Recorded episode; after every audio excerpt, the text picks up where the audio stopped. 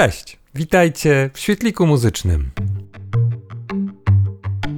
Czy wam także wydawało się, że zespół The Rolling Stones jest nieśmiertelny? Nieśmiertelni wydawali się muzycy tego zespołu. Grubo po siedemdziesiątce, a jednak cały czas w trasach koncertowych i nie, nie siedzą tam dziadki na scenie, tylko szaleją podczas tych koncertów. Tak to wyglądało. A jednak kilka dni temu, 24 sierpnia 2021 roku, zmarł Charlie Watts, perkusista tego zespołu. Miał 80 lat.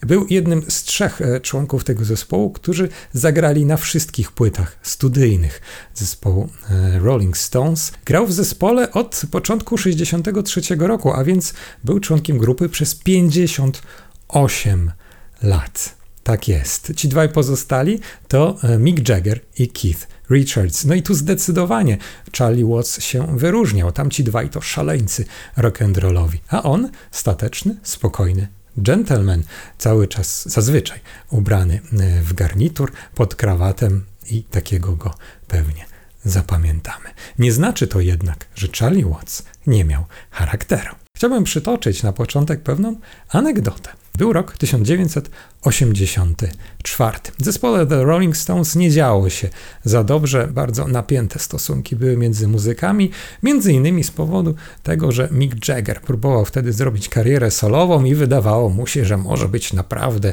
e, wielki i troszkę się z niego pozostali podśmiewywali, a jednocześnie mieli mu za złe takie e, podejście. No i właśnie, mimo wszystko postanowili się spotkać e, w Amsterdamie i tam to wszystko obgadać. Przyszedł wieczór i na nocną imprezę na miasto wyszli sobie Keith Richards i Mick Jagger. No i bawili się nieźle i spożyli całkiem sporo różnych używek.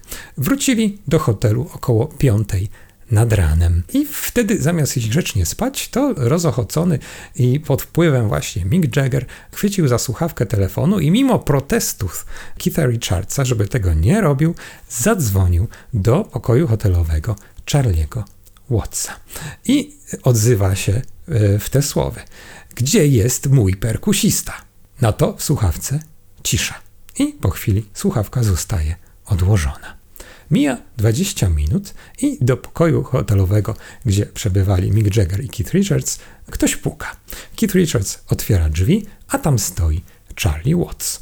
Otóż okazuje się, że przez te 20 minut wstał, ogolił się, wyperfumował, ubrał w smoking, nałożył krawat, wypolerował buty, które świeciły i tak oto wszedł do pokoju, nie patrząc w ogóle na Keitha Richardsa, podszedł do Mika Jaggera i mówi do niego tak: Nigdy więcej nie nazywaj mnie swoim perkusistą. To ty jesteś moim zafajdanym wokalistą. Po czym chwycił go za marynarkę i mocno mu przyłożył.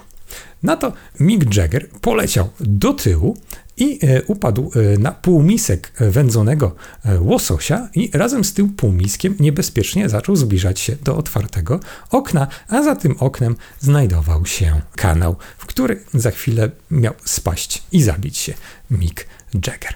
Na co Keith Richards rzucił się ratować, ale nie ratować kolegę, tylko marynarkę, którą tego wieczora pożyczył Mickowi Jaggerowi, a była to nie byle jaka marynarka, tylko jego ślubna.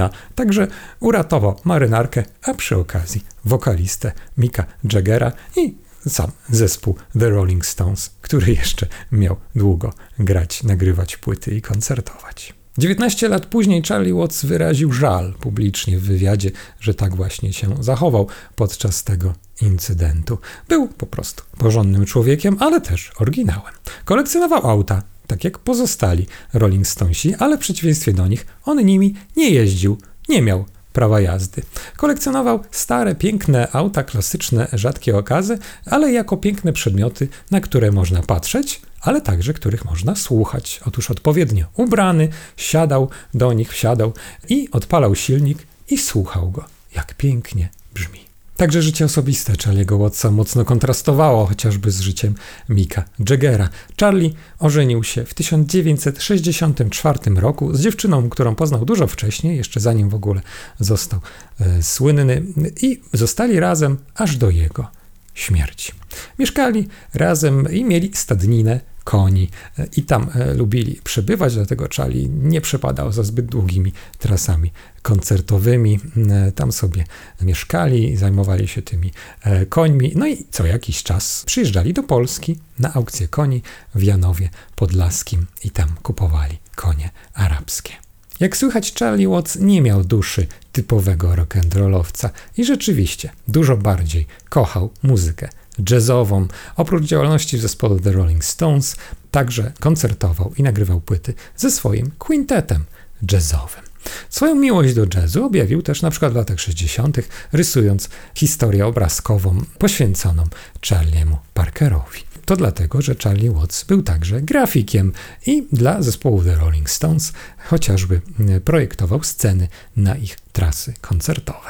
Swój ostatni koncert Charlie Watts z zespołem The Rolling Stones zagrał 30 sierpnia 2019 roku. Od września 2017 zespół jest na trasie No Filter Tour. Została ona przerwana przez pandemię i koncerty zaplanowane wcześniej na rok 2020 zostały przełożone. Miały się odbyć e, teraz, we wrześniu 2021 roku. Ale y, niedawno zostało ogłoszone, że jednak Charlie Watts nie weźmie w nich udziału. To pierwsza taka sytuacja. Charlie Watts nigdy wcześniej przez te 58 lat nie opuścił żadnego koncertu. Teraz jednak już ze względów zdrowotnych na operację, którą przeszedł, y, no, musiał przejść rekonwalescencję i wyznaczył swojego następcę na tę nadchodzącą trasę i miał to być Steve E, Jordan. No ale później Charlie Watts miał powrócić. Tak się jednak już nie stanie. Zmarł 24 sierpnia tego roku. E, Rolling Stonesi, pozostali członkowie wyrazili wielki żal i hołd dla swojego kolegi, przyjaciela. Trasa zaplanowana, wielka, odbędzie się i zagra na niej Steve Jordan, ale prawdopodobnie to już ostatnie koncerty zespołu The Rolling Stones, kiedy te zaplanowane występy się odbędą. E, zespół Rolling Stones prawdopodobnie przestanie istnieć e, po tylu, tylu latach, po prawie sześciu dekadach. Wielka muzyczna legenda. Tyle w tym podcaście. Zapraszam na kolejne. Zapraszam do świetlika muzycznego, przez który wpadają do Was wiadomości muzyczne, ciekawostki i anegdoty z historii muzyki. Marcin Świetlik-Olechnowski. Do usłyszenia.